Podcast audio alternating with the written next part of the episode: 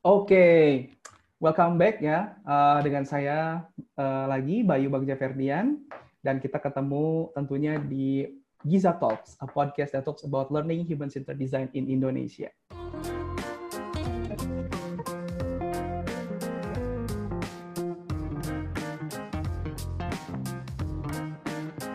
Oke, uh, teman-teman desainer dan researcher sekalian, uh, pendengar Giza Talks, uh, di episode kali ini kita akan membahas lagi tentang research. Nah, cuman yang beda di episode kali ini adalah uh, kita akan ngebahas dari sisi konsultan, konsultan uh, research, dan yang saya pribadi saya ngefans banget sama karya-karya mereka, uh, dan ya karya-karya mereka juga maksudnya jasa mereka dipakai sama banyak company ya, uh, multinasional kayak uh, Google, terus juga mungkin kayak uh, unicorns di Indonesia juga pada pakai gitu, which is sangat menarik banget kayaknya kita kulik gitu. Dan mereka juga uh, punya keunikan, uh, mereka itu bikin research, tapi si hasilnya itu sangat-sangat kreatif ya. Jadi nggak cuma sekedar report yang berupa kayak buku atau uh, PDF gitu ya, atau hanya sekedar ya report pada umumnya, tapi benar-benar bikin orang itu jadi uh, ngerasa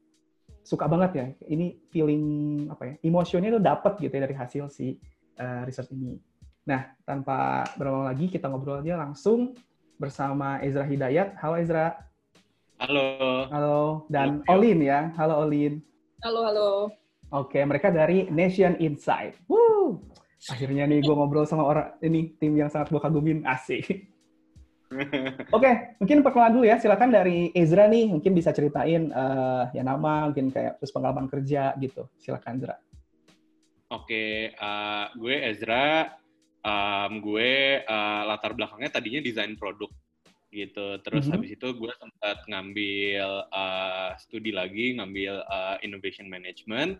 Uh, terus um, pengalaman kerja gue, gue sempat kerja di startup uh, fintech sebagai product manager. Uh, hmm. Tapi waktu itu uh, gue pingin, gue waktu itu bentar banget sih, cuma enam bulan. Abis itu gue pingin pindah ke sisi konsultan gara-gara uh, gue pingin ngerjain banyak project gitu ya, pingin ganti-ganti produk, pingin ganti-ganti industri, pingin ganti-ganti hmm. kategori gitu. I see, I see. Uh, terus uh, gue di Nation dari tahun 2017 uh, hmm. jadi researcher. Uh, tapi sebelumnya juga sebenarnya udah kerja sama timnya, sama Adri, sama Olin juga udah kerja dari tahun 2016. Uh, sebelumnya kita di kerja di satu perusahaan yang sama gitu. Hmm. Uh, dan di Nation, uh, gue sebagai researcher uh, hmm. kerjanya ya uh, sehari-harinya uh, mempelajari uh, apa namanya perilaku manusia, pelajarin orang. Tujuannya apa? Tujuannya buat ngebantu uh, perusahaan-perusahaan ngedesain produk, ngedesain jasa, ngedesain um, brand atau komunikasi gitu. Hmm, jadi kepo yang berfaedah gitu kali ya? Kepo yang berfaedah. sorry, sorry mungkin terlalu uh, mendramatisir. Oke, okay, uh, nextnya Olin nih. Nah, Olin, silakan. Oke, okay. okay, nama gue Olin uh, gue itu backgroundnya dulu uh, di cafe ngambil di cafe di UPH mm-hmm. terus abis dari cafe gue kayak ngerasa pengen cobain field baru jadi gue coba intern di Ogilvy waktu itu pengen oh. ngerasain kayak advertising industry itu kayak gimana sih I see, I see. Habis itu um, setelah kerja di sana jadi intern kayak sekitar enam bulanan lebih, hampir hmm. setahun deh kalau nggak salah. Mm-hmm. Wih, mantap. Terus, um, gue ngerasa kayaknya gue nggak di sini deh. Akhirnya gue oh, pindah lagi. Udah kapok nih, udah kapok. Iya, banyak banyak yang dipelajari kok. Iya, iya, iya, iya. Ya. Cuman ya abis dari Ogilvy, akhirnya gue ngerasa uh, kayaknya advertising bukan buat gue. Akhirnya gue nemuin si company yang sebelum Nation ini, namanya Flamingo yang tadi Ezra bilang Mm-hmm. Karena um, mereka kayaknya nawarin sesuatu yang berbeda aja. Kayak di Indonesia kayak belum banyak nih yang kayak gini.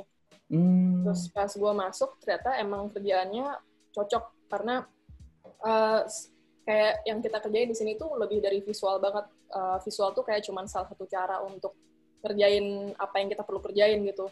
Kalau mau disimplify sih sebenarnya uh, kita nih kita asin kayak design team yang sekarang ini uh, mm-hmm. tugasnya adalah untuk visualin data-data yang researcher data atau insight yang researcher temuin gitu. Jadi hmm. alur kerjanya itu selalu setelah uh, risetnya itu udah kelar baru kita kayak oh ini bisa diapain nih datanya diolah seperti apa gitu. Hmm, I see. Yeah. Mantap mantap mantap. Oke. Okay.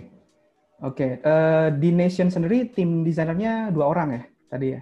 Iya, di Nation tim desainer dua orang. Uh, oh, gue sama Nisa namanya satu lagi. Ah. Mantap mantap. Oke, nah mungkin sebelum kita lebih jauh lagi, sebenarnya pengen tahu nih uh, Nation Insights ini sebetulnya konsultan atau perusahaan uh, yang gimana sih, gitu ya? Karena kan uh, kita sempat ngobrol kan kayak uh, saya nangkepnya tuh awal-awal ya ini ini kayak agency UX research yang yang sudah apa ya sudah sudah sangat berpengalaman lah gitu kayak gitu ngiranya itu emang fokus di user research gitu cuman ternyata kan uh, apa kayaknya lebih dari itu gitu mungkin bisa diceritain what is actually Nation Insights gitu? Oke, okay, uh, jadi uh, Nation itu uh, apa namanya uh, konsultan research and uh, strategy gitu ya. Jadi kita melakukan hmm. melakukan research uh, yang fokusnya pada manusia dan budaya dan nanti hmm. uh, outputnya kita itu uh, strategi desain uh, atau strategi strategi apa pun gitu dari hmm. si hasil riset tersebut. Mungkin gue bisa uh, sharing gitu ya uh, jenis riset apa aja nah. sih yang bisa kita yang biasa kita lakuin gitu. Nah, boleh uh, boleh boleh benar. Iya. Uh, eh, jadi tapi sebelumnya boleh tahu dulu nggak ini nggak mungkin sedikit uh, nyambung kayak kenapa budaya gitu yang diangkat gitu. Why culture gitu. Oke, okay, jadi kan kita selalu bilang kayak yang kita, uh, fokus kajian kita adalah manusia dan budaya gitu ya. Mm-hmm. Uh, untuk manusia kita mempelajari kayak pendapat mereka, cara mereka berperilaku, cara mereka berpikir gitu ya. Mm-hmm. Uh, kita wawancara mereka, kita observasi mereka. Tapi sebenarnya mungkin ada hal-hal yang nggak bisa mereka artikulasikan gitu. Mm. Uh, kita kita uh, mungkin ada orang berpendapat sesuatu, mereka melakukan sesuatu gitu ya. Mm-hmm uh, kita ingin tahu why-nya gitu. Tapi kalau kalau uh, apa namanya? Kalau kita terlalu fokus pada manusianya, hmm. kita nggak akan kita uh, terkadang sulit buat tahu why yang sebenarnya itu kenapa. Makanya kita harus take a step back gitu ya. Hmm. Kenapa sih orang ini berperilaku seperti ini? Kenapa orang ini berpendapat seperti ini gitu? Dan biasanya itu bisa ditarik ke apa namanya? Konteks yang lebih besar yaitu budaya gitu. Oh. Uh, makanya kita orang Indonesia suka gini gara-gara ini, orang Indonesia suka gini gara-gara ini gitu.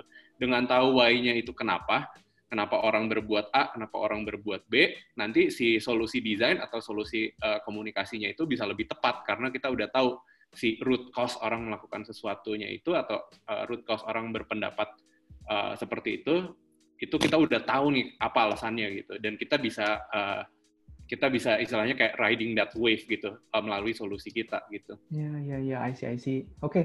sangat make sense ya. Gue jadi jadi keinget lagi nih quotes-nya Adri ya, uh, foundernya hmm. Nation waktu di uh, UX Research Conference ya, yang dibikin sama hmm. Bukalapak.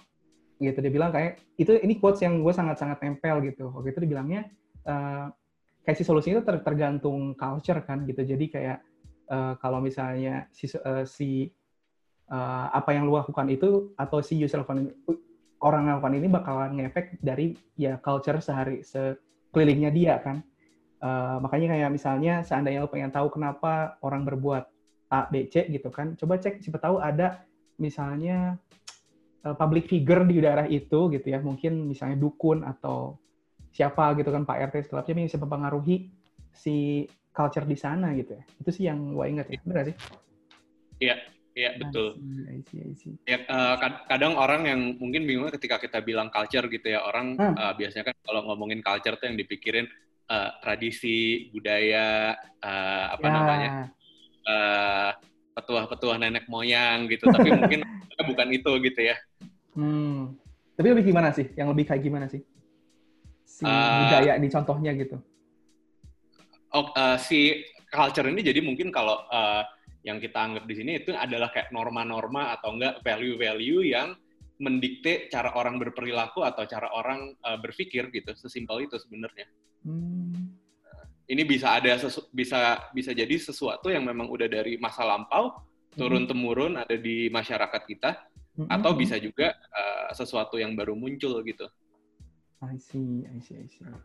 Oke deh, jauh ya. Pokoknya uh, ya budaya itu sangat-sangat uh, ngefek sama si research ini gitu ya. Iya. Oke, nyambung ke tadi lagi ke uh, yang mau di-share sama Ezra nih tentang macam-macam research ya. Oh iya iya iya. Okay. Uh, apa namanya jenis jenis-jenis research yang kita lakukan? Oh iya, gitu. jenis research ya. Iya, jadi kalau di uh, Nation itu sebenarnya project-project kita bisa dibagi jadi kayak dua stream atau dua kategori gitu ya. Hmm. Dan dua stream atau dua kategori ini berdasarkan uh, outputnya ini uh, untuk apa gitu. Jadi hmm. yang pertama ada brand atau marketing research atau communication research. Hmm. Dan yang kedua uh, ada design research gitu. Hmm. Yang pertama udah jelas outputnya adalah uh, gimana caranya kita bikin positioning, gimana uh, gimana caranya kita bikin marketing campaign, gimana caranya kita bikin uh, narasi dari mm-hmm. sebuah produk atau dari sebuah uh, jasa gitu. Mm-hmm. Kalau yang kedua si design research itu ini lebih kayak uh, kita melakukan research untuk menginspirasi pembuatan si produk itu sendiri, pembuatan jasanya gitu. Mm. Gitu. I see, I see. Nah, mungkin uh, kalau nyambung ke apa?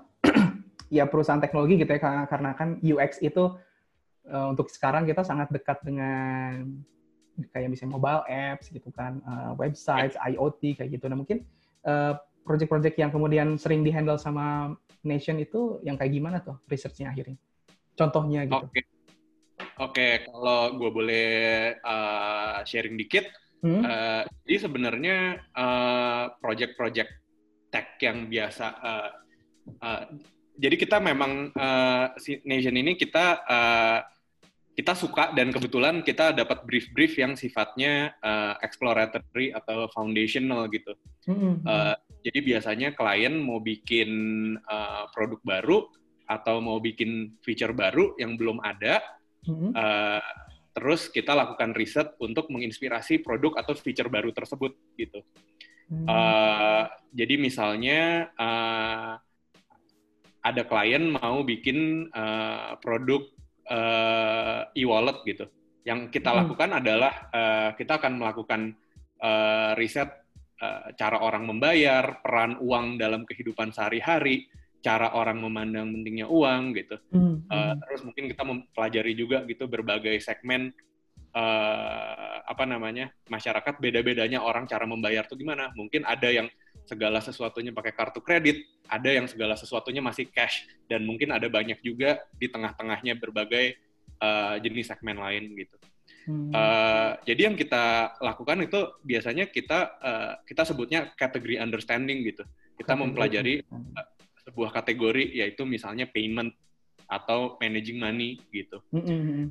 Uh, project-project yang enggak atau kurang banyak kita lakukan adalah uh, UX testing atau usability testing yang sifatnya udah masuk ke layar mengevaluasi produk yang udah jadi uh, gitu kita kurang gitu. Oh, I see, I see, I see. Uh, okay. Kalaupun kita melakukan itu biasanya dalam konteks uh, studi yang lebih besar gitu, misalnya uh, ada sebuah bank yang mau bi bilang mau bikin, oke okay, kita mau bikin uh, apa namanya digital banking versi baru ya di dalamnya hmm. kita harus mempelajari mempelajari digital banking yang udah ada itu kayak gimana gitu. Hmm. Tapi tujuannya bukan buat nge-improve si on screen atau product experience-nya tapi buat mempelajari buat menginspirasi kalau kita mau bikin sesuatu yang baru itu kayak apa gitu. Oh, I see, I see. Iya, iya, iya, iya, iya. Jadi mungkin uh, si tahapannya adalah setelah apa yang kita buat, nanti kliennya bikin produknya, baru nanti uh, ada di situlah peran uh, eh, UX design untuk uh, mengoptimisasi journey-nya, uh, usability testing untuk uh, melihat apakah ini produknya bisa dipakai atau enggak gitu. Hmm. Uh, jadi uh, dengan kata lain mungkin yang kita bantu riset adalah what to build. Baru nanti perannya si UX usability itu how to build it right. Gitu. How to build ya, iya iya iya. iya.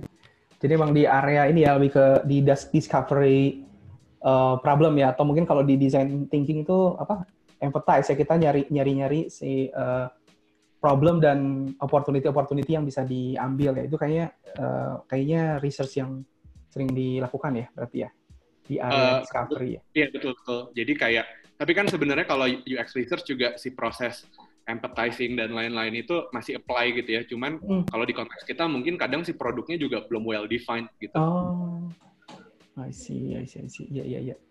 Hmm, oh, kemarin itu juga uh, ini ya kayak misalnya let's say si e-wallet gitu kan. Uh, kayak kemarin kita ada obrolan bahwa ternyata uh, ini kenapa si si misalnya apps-nya nggak works di satu daerah ternyata oh karena ada usernya itu yang dia uh, terima gajinya masih pakai amplop gitu ya, bukan mm -hmm.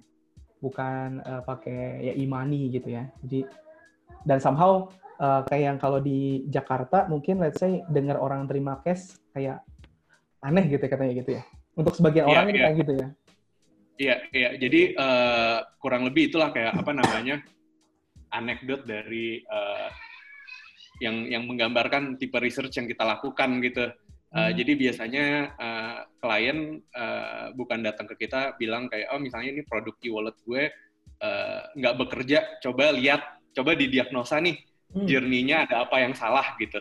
Iya. iya, uh, iya, iya. Kalau itu kan lebih kayak uh, UX research gitu ya.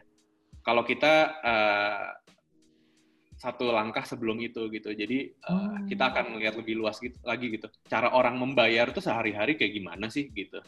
Uh, hmm. Ada orang yang nggak mau pakai digital wallet itu gara-gara experience digital walletnya belum oke okay, atau sebenarnya memang uh, ada barrier-barrier lain gitu. Misalnya yang tadi lo bilang misalnya di luar Jakarta masih banyak pekerja informal yang dapat gajinya masih cash dikasih sama hmm. sama bosnya tiap bulan gitu.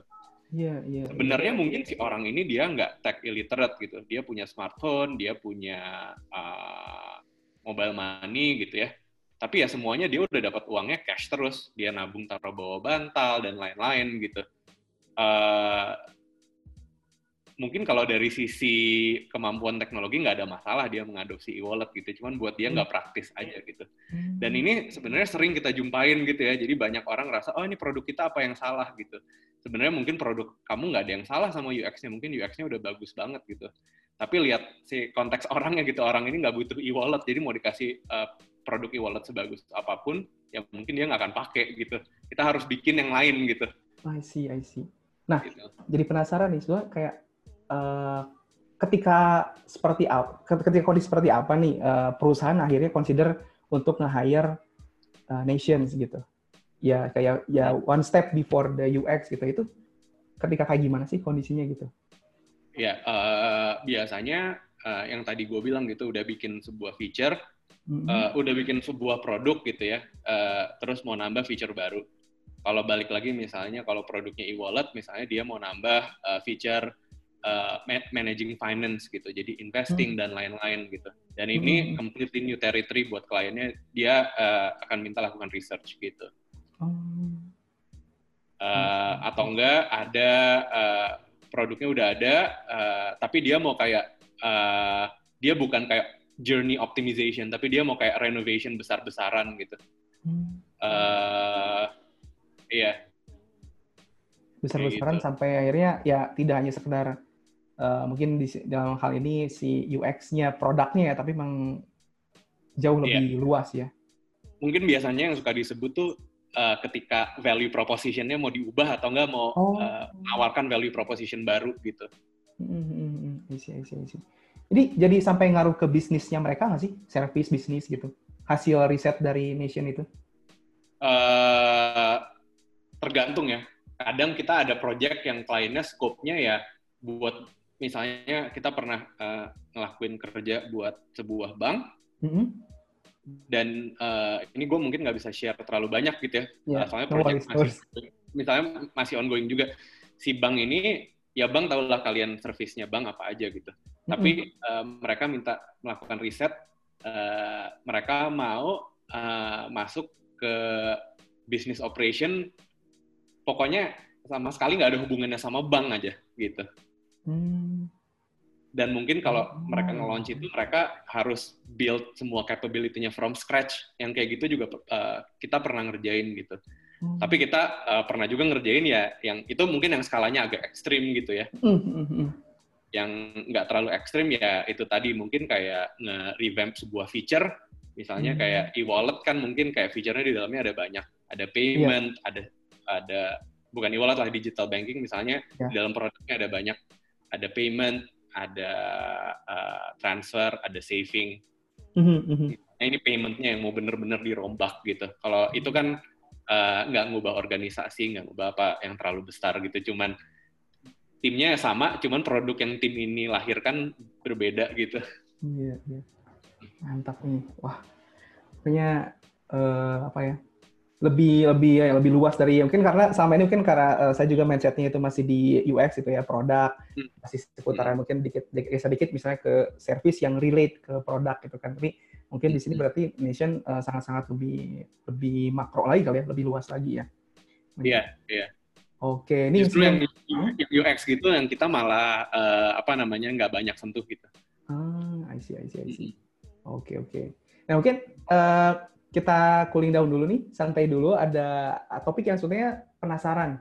Di Instagramnya Nation itu kan pernah ngebahas uh, memes as communication tools ya, kayak uh, jadi kayak lagi itu demo demonya mahasiswa ya, lagi demo ya waktu itu ya tahun kemarin gitu. Tapi ternyata bahasa yang mereka gunakan itu buat protes somehow lucu-lucu gini kayak people of internet kan nggak tahu itu referensinya ke mana gitu. Nah, menurut kenapa itu dijadiin konten sih gitu?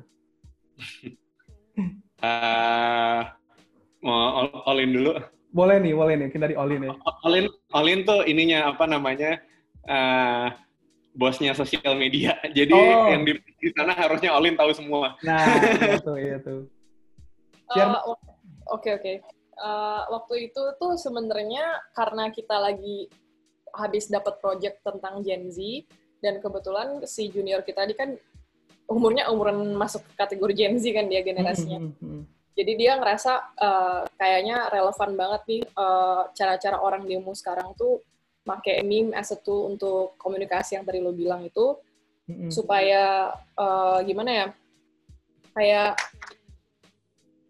gimana sih istilahnya kayak relevansi meme itu gede banget untuk semua orang kayak tujuan meme itu kan sebenarnya untuk nge-highlight uh, either itu tren atau kayak culture yang ada gitu kan.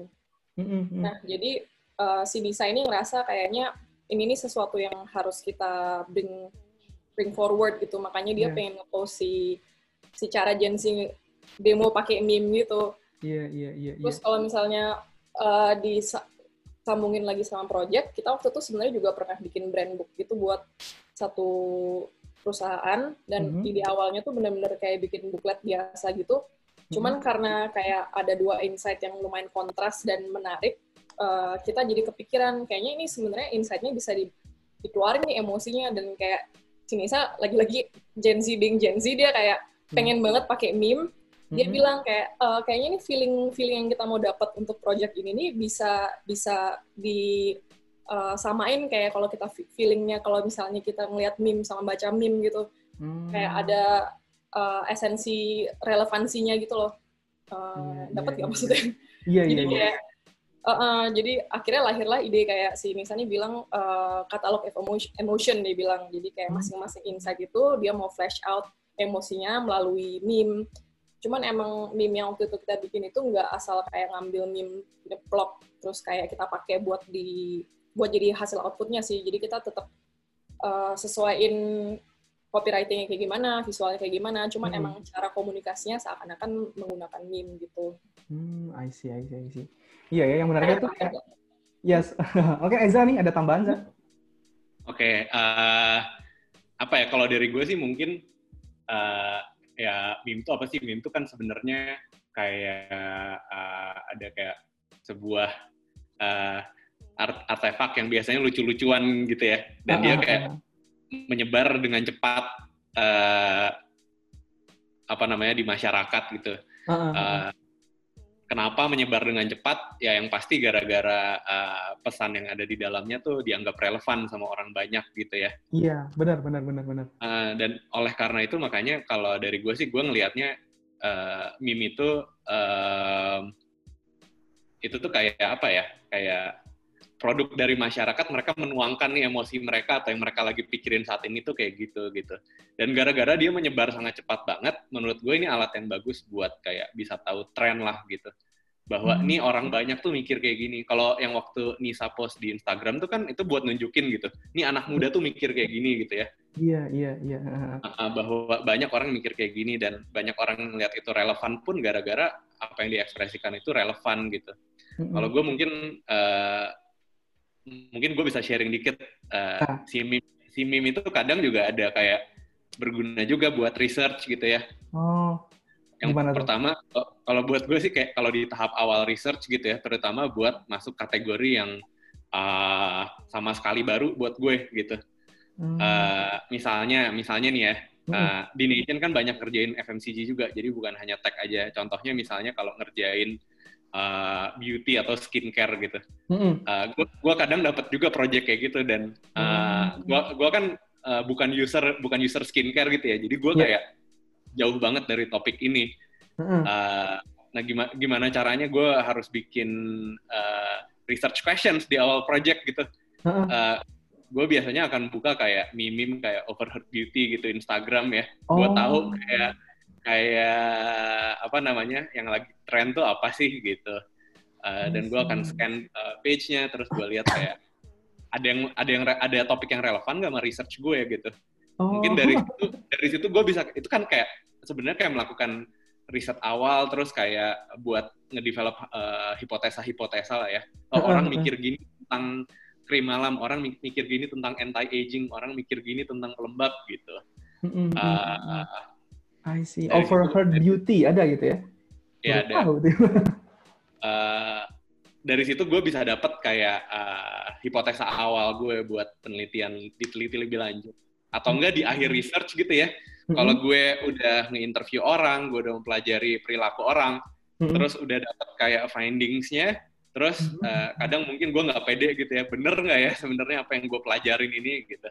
Uh, uh, itu dibalik perannya gitu. Jadi gue udah ngeriset duluan, terus gue buka uh, page-page meme sesuai kategori yang berhubung yang yang lagi gue teliti terus gue lihat oh ya bener juga ternyata relevan juga banyak nih yang ngalamin oh, sesuai iya. findings gue gitu. Iya iya iya iya. Jadi kayak semacam tren-tren apa? Tren research gitu. Pengen gitu kayak ya? Enggak ya?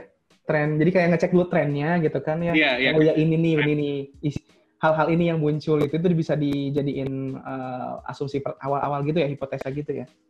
Iya, jadi kayak ya, trend scanning lah gitu. Mungkin nggak hmm. sedalam trend research, tapi trend scanning gitu. Trend scanning.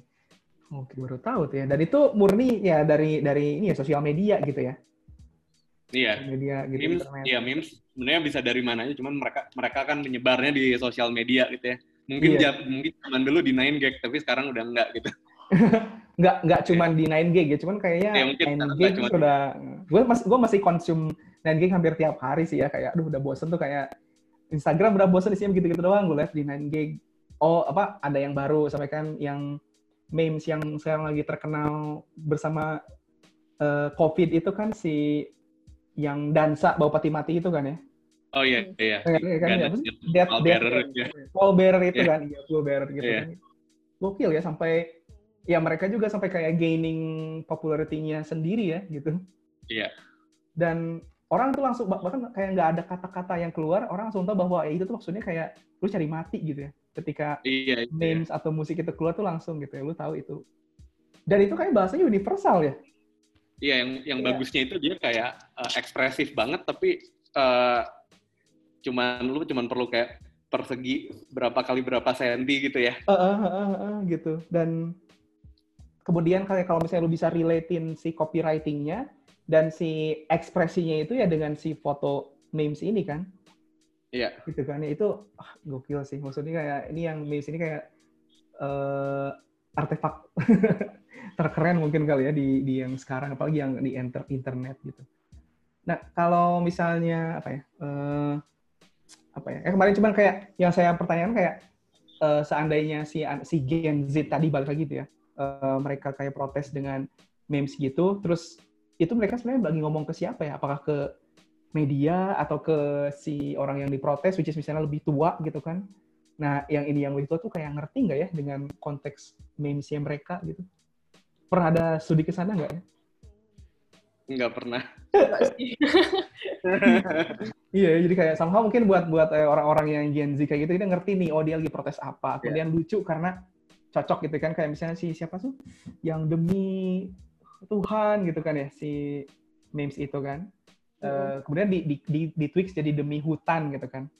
Yang kemarin yang di memes yeah. di Instagram uh, Nation Insight itu ya maksudnya kayak ya mungkin buat orang-orang yang tak tahu tentang jokes itu tuh sangat relate oh ya gitu itu itu uh, eh, gue tahu nih maksud dari si memesnya cuman kayak kalau misalnya audiensnya let's say lebih tua atau yang nggak pernah ngelihat memes ya mungkin mereka juga bingung kali ya. Iya nggak tahu deh itu. Sebenarnya post yang waktu itu uh, tujuannya untuk nge-highlight gimana uh, perasaan si para Gen Z yang dirasain sekarang ini dan kayak alat komunikasi yang emang mereka udah kebiasa pakai waktu itu ya emang lewat memes gitu sih. Hmm, tujuan iya. post Instagramnya itu. Iya iya iya iya iya benar benar benar okay.